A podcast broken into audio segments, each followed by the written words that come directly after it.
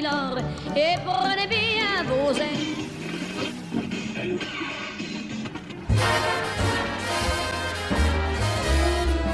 And fill my heart with love. Vamos con moi. Love me do. Oh, love me do.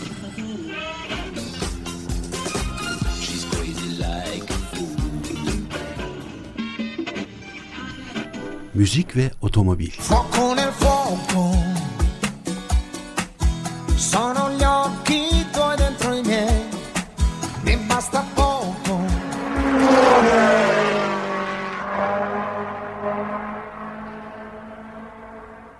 Merhaba sevgili Trakya Üniversitesi Radyo Güne Bakan dinleyicileri. 106.2 frekansından hepinize keyifli dakikalar diliyorum.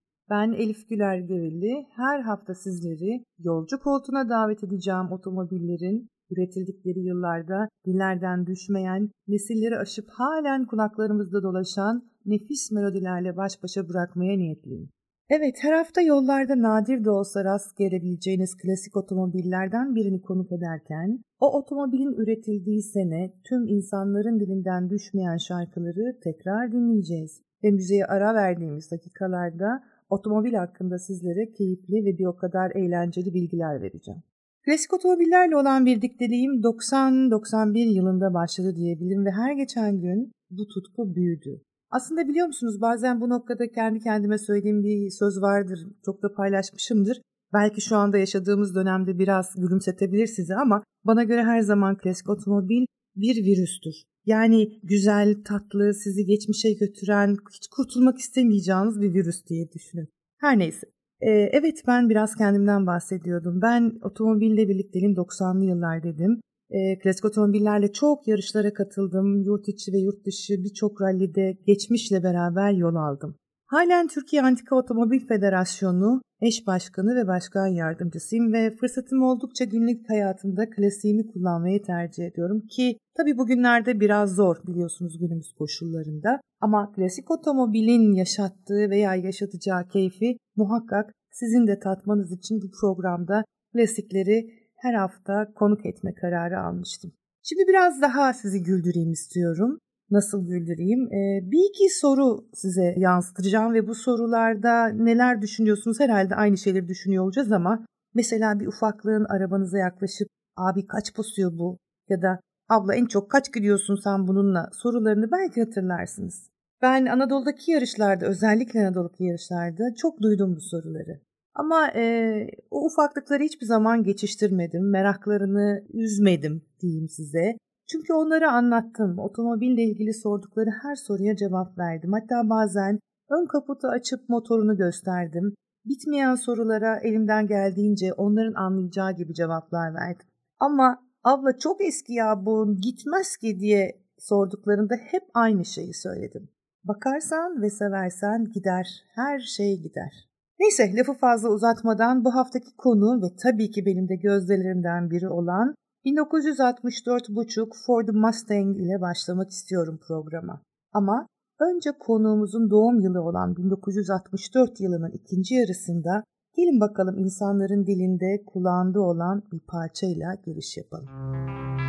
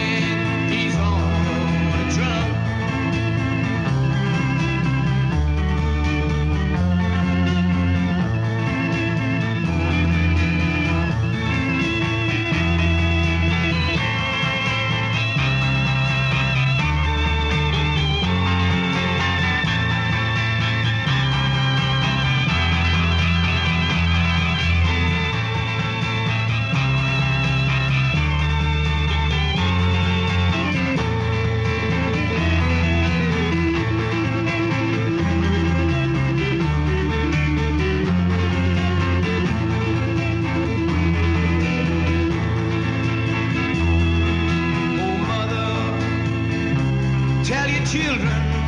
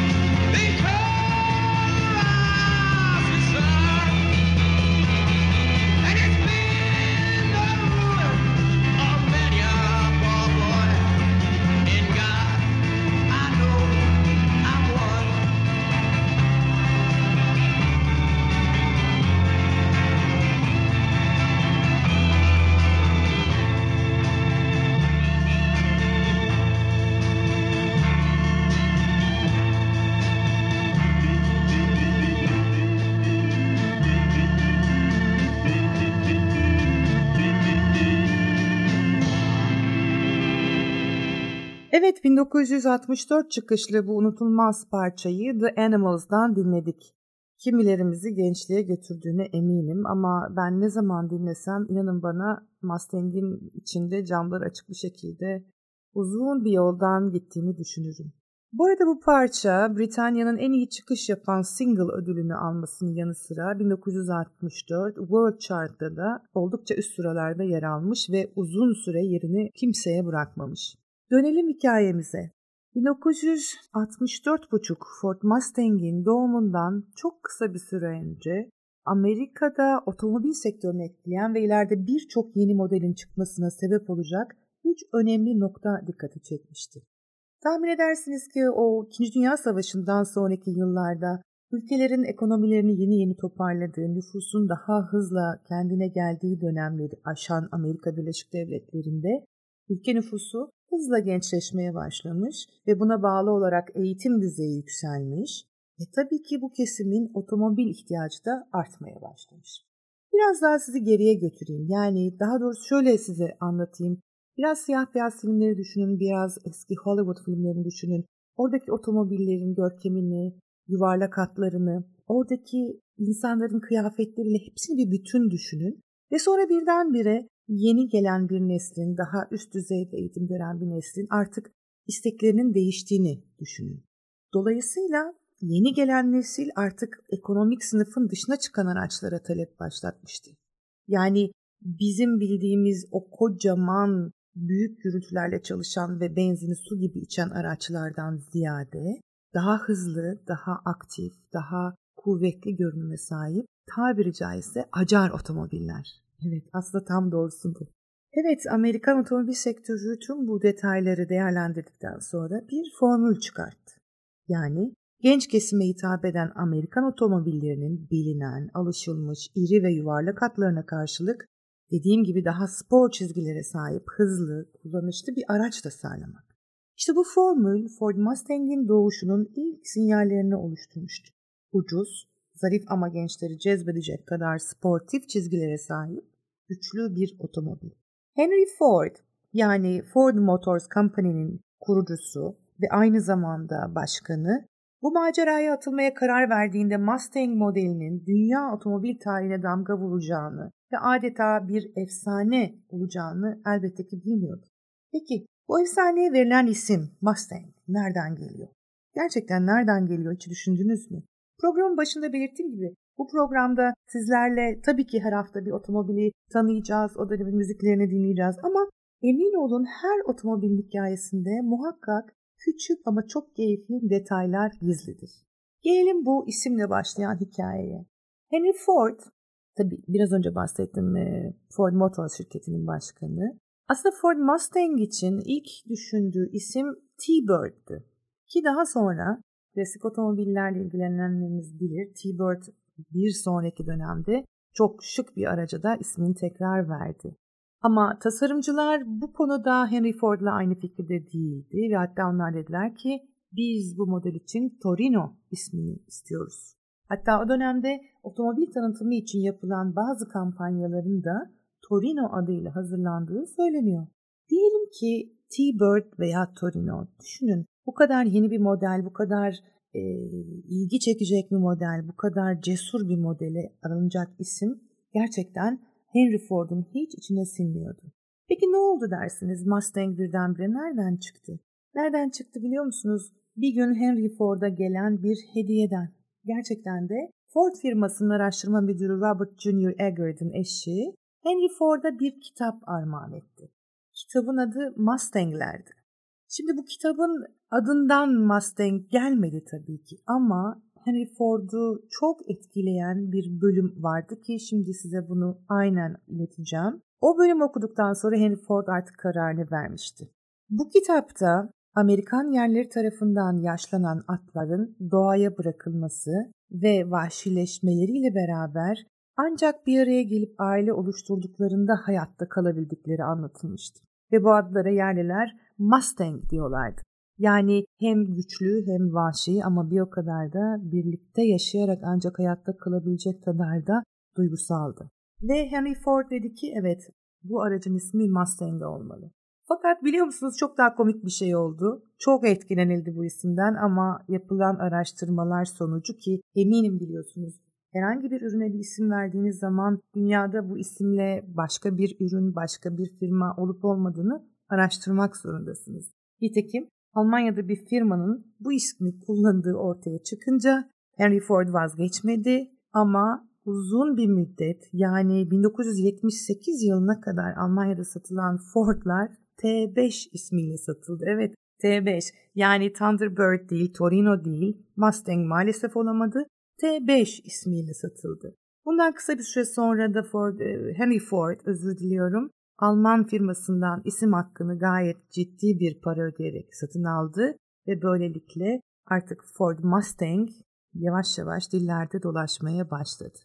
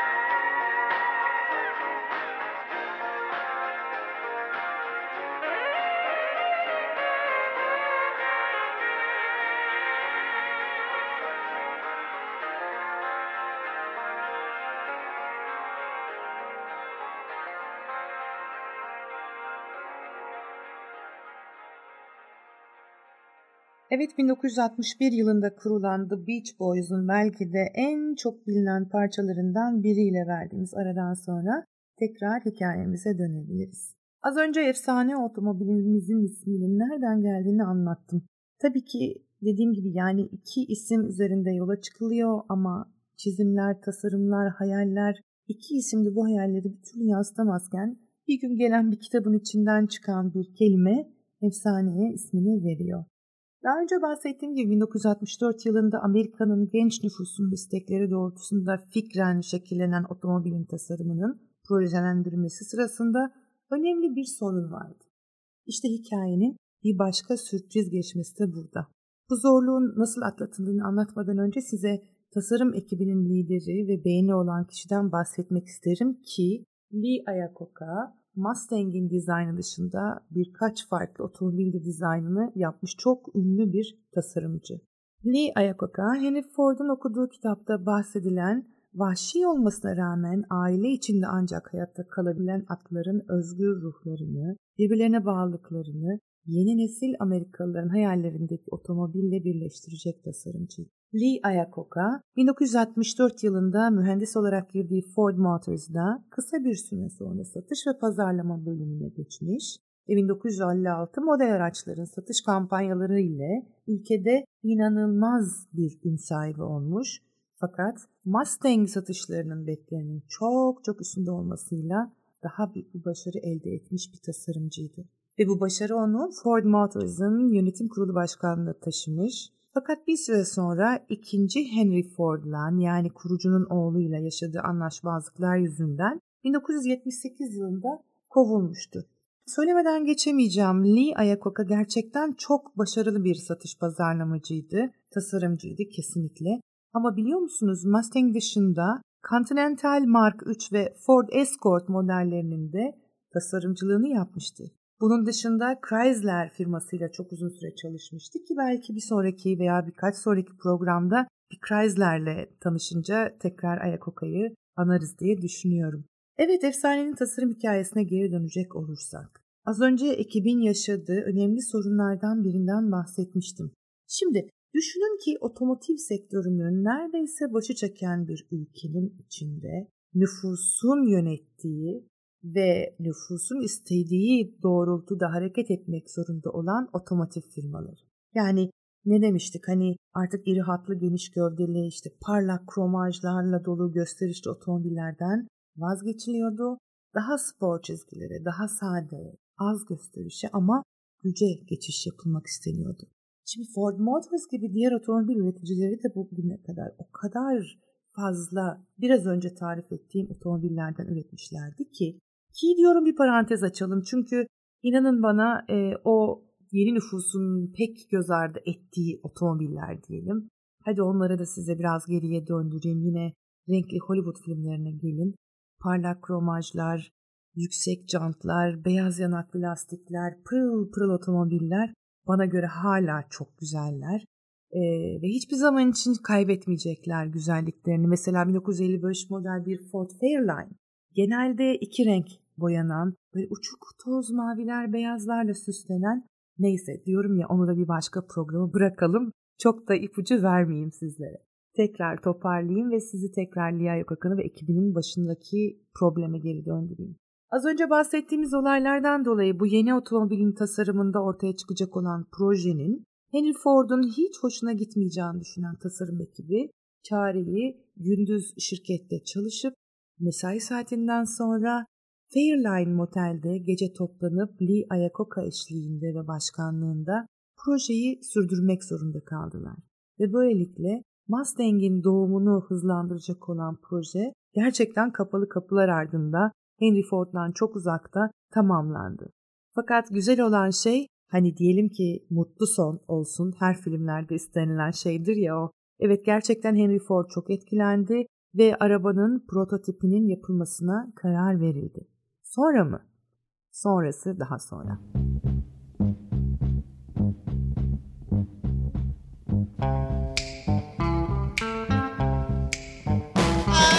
When it's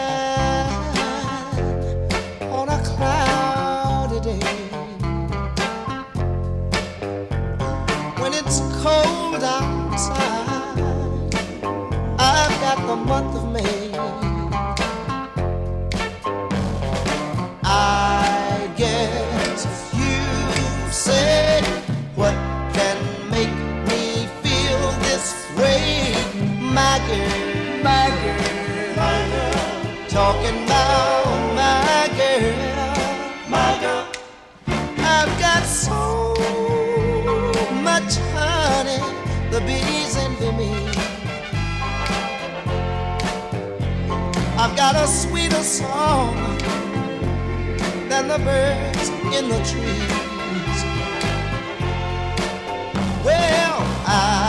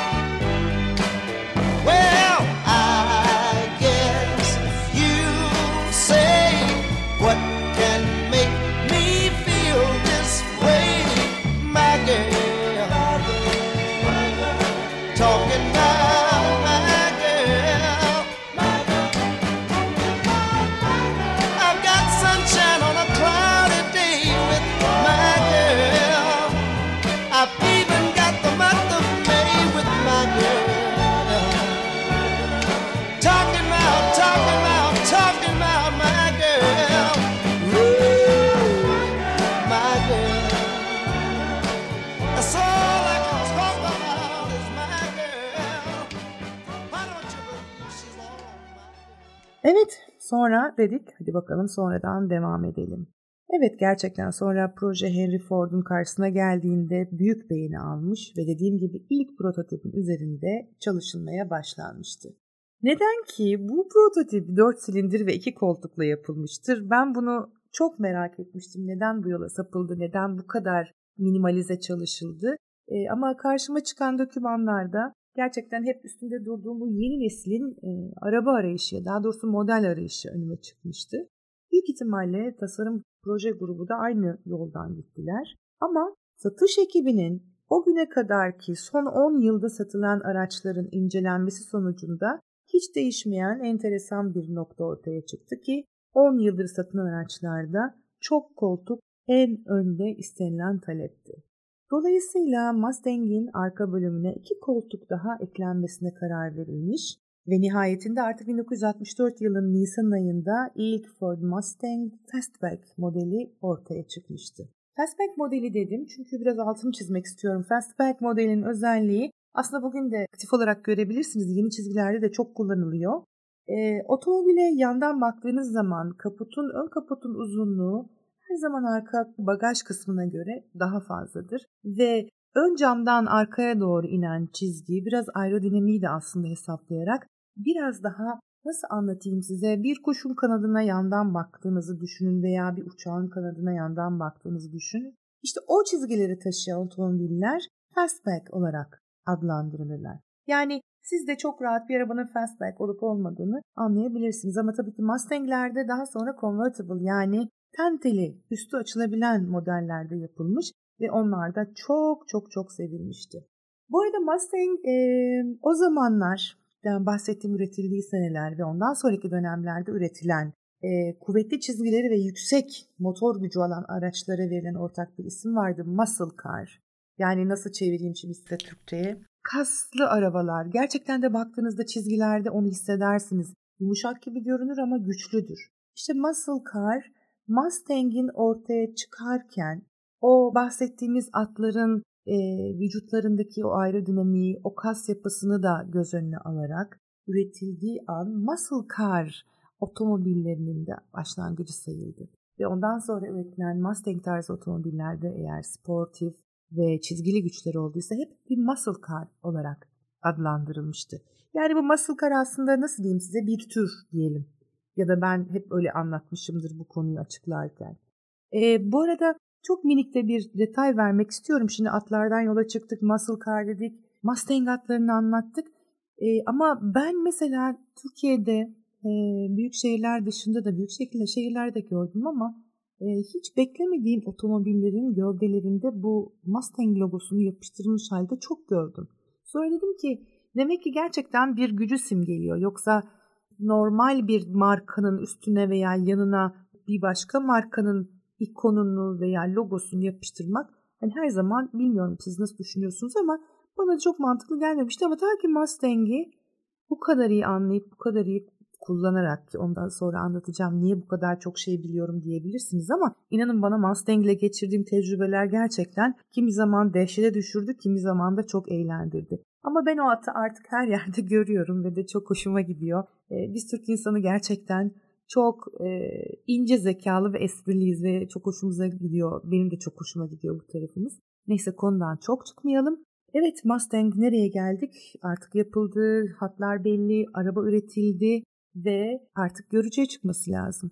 Ne güzel ki o dönemde New York Otomobil Fuarı açılacak ve Ford Motors grubu çok heyecanlı. İlk defa sınırları aşarak bir çalışma yapılmış ve New York Otomobil Fuarı'na Mustang standın üstüne, dönen standın üstüne diyeyim. Çünkü bunda çok güzel bir videosu vardır. Ee, belki de hani bu programdan sonra araştırmak ve incelemek istersiniz. Ee, lütfen bu bahsettiğim şeyleri yazın veya aklınızda kalsın. Mesela New York Otomobil Fuarı ve Mustang deyin.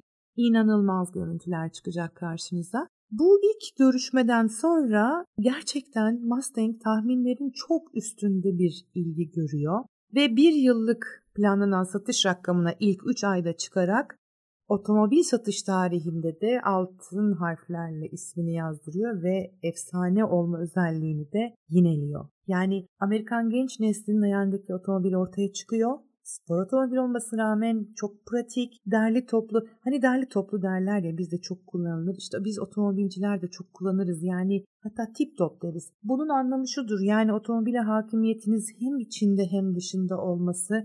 Otomobilin e, biraz sonra size anlatacağım. Belki çok güldüreceğim ama benim başıma gelmiş bir şey. Yani otomobile hakim olmak denilen bir durum vardır.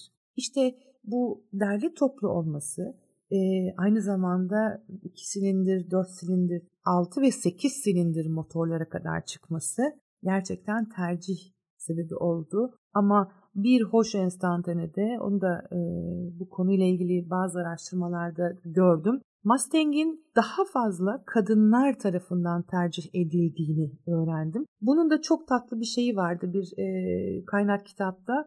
Alışveriş otomobili olarak Mustang'i o kadar sevmiş ki kadınlar. Dedim ki nasıl yani ben Mustang'le o kadar çok mücadele verdim ki hani binip de arabaya bir alışverişe gitmek inanın bana aklımın ucundan geçmezdi. Ama sonra düşündüm o iri yuvarlak kocaman arabalara ki onlardan da kullandım. İnanın bana onları kullanmak için gerçekten çok büyük bir savaş veriyorsunuz. Sonra anladım ki kadınlar evet Mustang'de çok daha rahat ve çok da mutlu olmuşlardı. Dolayısıyla kadınların da arabayı tercih etmesi satışları gerçekten çok ciddi noktada yukarı çıkarttı. Aslında size şöyle anlatayım. 1964 1964,5 model bir otomobil, 289 beygir ve 8 silindirli bir otomobilin sürücü koltuğuna geçtiğiniz zaman e, o kontağı açtığınızda ilk duyduğunuz motor gürültüsüyle beraber hafif bir sarsılma vardır.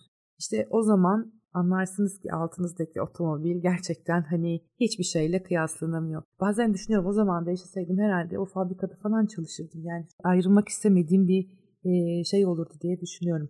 Evet şimdi tekrar bir parça ara verelim. Bakalım bu sefer bence çok iyi bildiğiniz ama çok tatlı bir şarkı olacak.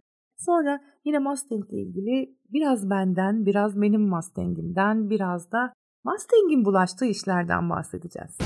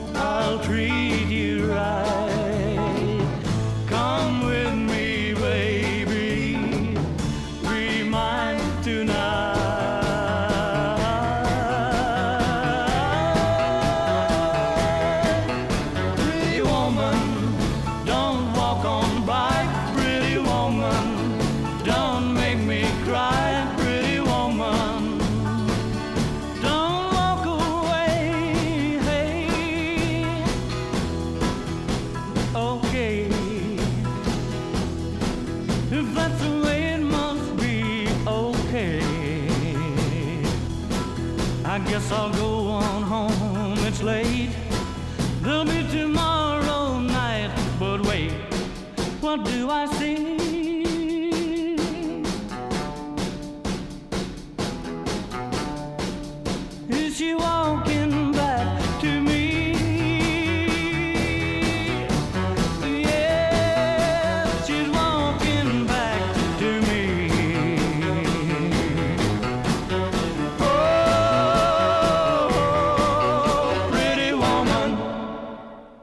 Biraz önceki parçayı çok iyi bildiğiniz hatta ufak ufak mırıldandığınızı bile düşünüyorum. Hikayeye devam edelim. Dediğim gibi artık otomobil çıktı. New York Otomobil Fuarı ve Amerika sallandı. Lee Iacocca inanılmaz bir tasarımla gerçekten büyük bir yer edindi. Ama hadi gelin bakalım ben niye bu kadar çok Ford Mustang diyorum, nasıl bu kadar çok biliyorum veya konuşuyorum.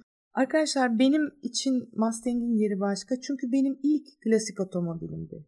Yani aslında biraz daha romantik olayım. İlk görüşte aşk demek lazım. Ama o zamanlar böyle bir otomobille yollarda dolanmak da pek akıl kârı değildi. Kolay değildi ya da öyle diyeyim size. Bahsettiğim yıl işte 90-91. Hiç unutmam otomobil eve geldikten sonra sabah işe gitmek için bindim ve sanırım bir 15-20 dakika kadar içinde oturup otomobili anlamaya çalıştım. Şimdi diyeceksiniz ki otomobil nasıl anlanır işte direksiyonu bellidir, vitesi bellidir falan filan ama değil. Yani o otomobili hissetmeniz, o otomobille ya da belki ben böyle düşünüyorum ama benim gibi düşünen çok insanla e, tanıştım onu söyleyeyim. Her neyse otomobili anlamaya çalıştım. Fakat e, bir inancım vardır benim. Şimdi yine güleceksiniz büyük ihtimalle ama e, çok şey geldi başıma bu otomobilde. Herhalde ondan sonra böyle oldu. Ben şeye inanırım. E, insanların ne kadar mekanik bile olsa otomobilleriyle aralarında bir bağ olduğuna inanırım. Bunu ben de defaatle denedim ve belki şans belki kısmet kadar bilmiyorum ama yani yolda kaldığım zamanlar direksiyona yapışıp da ne olur çalış ne olur seni çok seviyorum diye konuştuğum hatta ağladığım bile olmuştu. Ee, bu konuda hakikaten yalan söylemeyeyim ama dediğim gibi böyle bir otomobille karşı karşıya kalmak gerçekten mükemmel bir şey. Yani Amerikan otomobillerinde özellikle 6 ve 8 silindirli otomobillerde benim çok sevdiğim ama herhalde bu herkes aynı şeyi söylüyor çünkü gerçekten kontağı çevirdikten sonra bambaşka bir dünyaya geçiyorsunuz. Çünkü büyük bir güç e, ön kaputtan bütün arabayı sarıyor. Şimdi beni korkutmuştu. Gerçekten korkutmuştu. Hatta dedim ki ya ben ne yaptım? Yani ne işim var benim bu arabada? Ben niye böyle bir şey yaptım? Hani görüşte aşk dedik ama yani başıma bir şey aldım galiba diye söylenmiştim. Sonra da onu da çok iyi hatırlıyorum. Çünkü beni gören biri bana söyledi. Hanımefendi ne yapıyorsunuz dedi. Sonra baktım kendimi arabanın dışında sokağa dönerken e, arabadan indim durdurup sonra gittim dedim ki bu araba bu sokaktan döner mi? Acaba bu L'yi yapabilir miyim ben? Çünkü o kadar büyük geliyor ki. Çünkü o zaman kullandığım araba herhalde yanlış hatırlamıyorsam e, o dönemdeki yeni model bir Skoda'ydı. Yani hadi biraz önceki şey gibi tip top bir arabaydı. Ama e, baktım döner miyim, dönemez miyim, olur mu, olmaz mı? Tabii bu başlangıç oldu. Sonra çok yolda kaldım. Bir sürü arızalarla karşılaştım e, vesaire vesaire ama hani bu yıldırdı mı? Hayır. Tam tersi. O zaman dedim ki ben bu otomobili toplayacağım. Bu otomobilin her parçasını yenilemeye karar verdim ve esas iş ondan sonra başladı diyelim size. Çünkü her bir parçasını tek tek tek tek araştırdım. Araştırdığım için anladım. Anlayınca çözmeye başladım. Çözmeye başlayınca tabii ki otomobille inanılmaz bir bağ kurduk ve e, beni yolda bırakmadı bir daha en azından öyle söyleyeyim. Çok yarışlara girdim Mustang ile. İnanılmaz başarılar elde ettim. Ve de çok sevdiğim bir otomobildi. Diyeceksiniz ki ne oldu bu aşk? Nereye kadar bitti mi? Yok yok bitmedi aslında.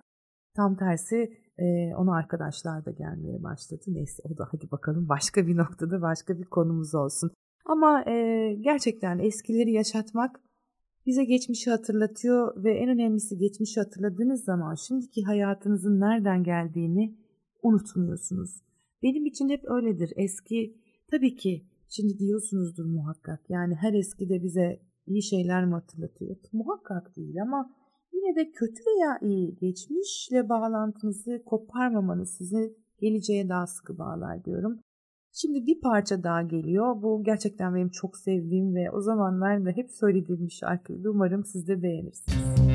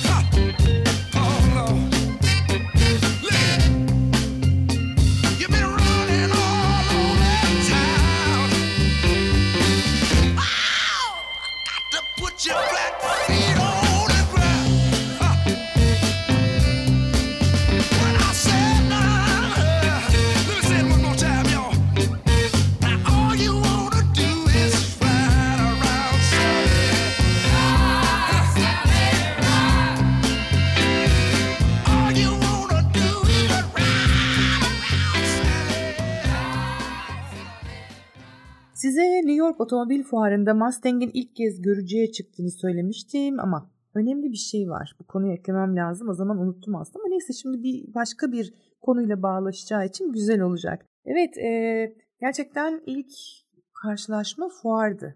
Ama aslında 1964 buçuğumuzun dünya ile buluşması iki şekilde olmuştu ve ikisi de çok etkiliydi. Birincisi fuar dedik doğru.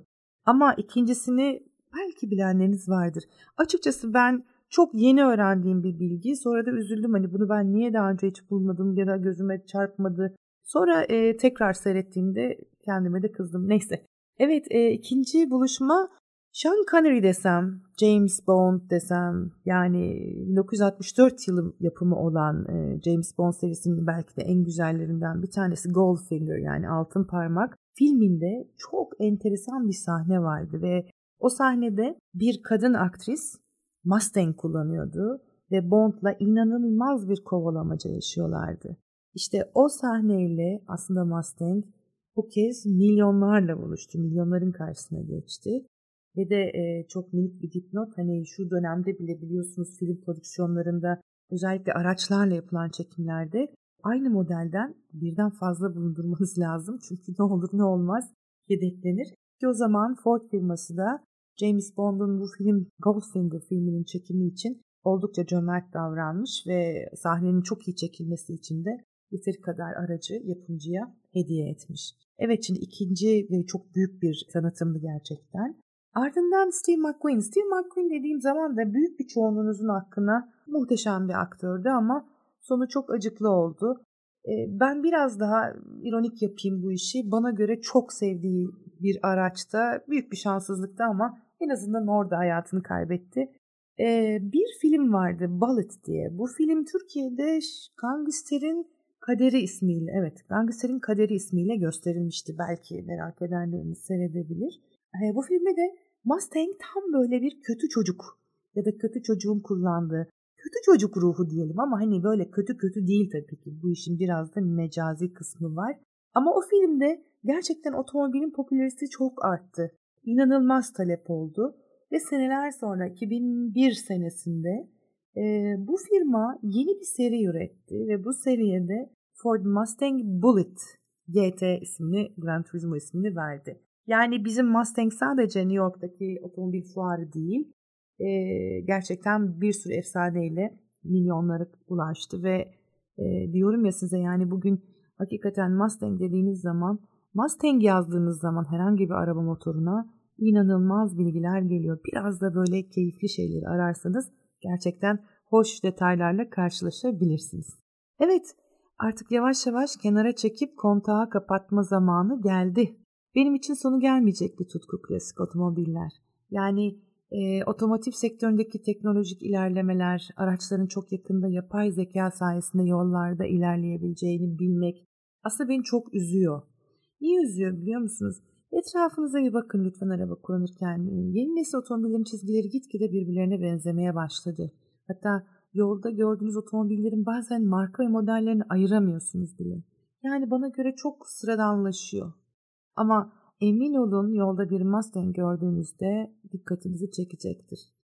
Hepiniz sevgi ve sağlıkla kalın diyorum ama bu programı da çok güzel bir final parçasıyla biraz da sizi hareketlendirerek bitirmek istiyorum. Bir sonraki programda görüşmek üzere diyorum. Hoşçakalın. Well, this car is automatic. It's systematic. It's hydromatic. Why, it's greased lightning. Greased lightning. Look at some overhead lifters and four barrel quads, oh yeah. Keep talking, won't keep talking. Fuel injection cut up in chrome speed on the floor, never waiting at the door. You know that ain't no shit. We'll be getting lots lightning. Lightning, you're up the quarter mile. Go lightning, you're through the. You are the chicks are cream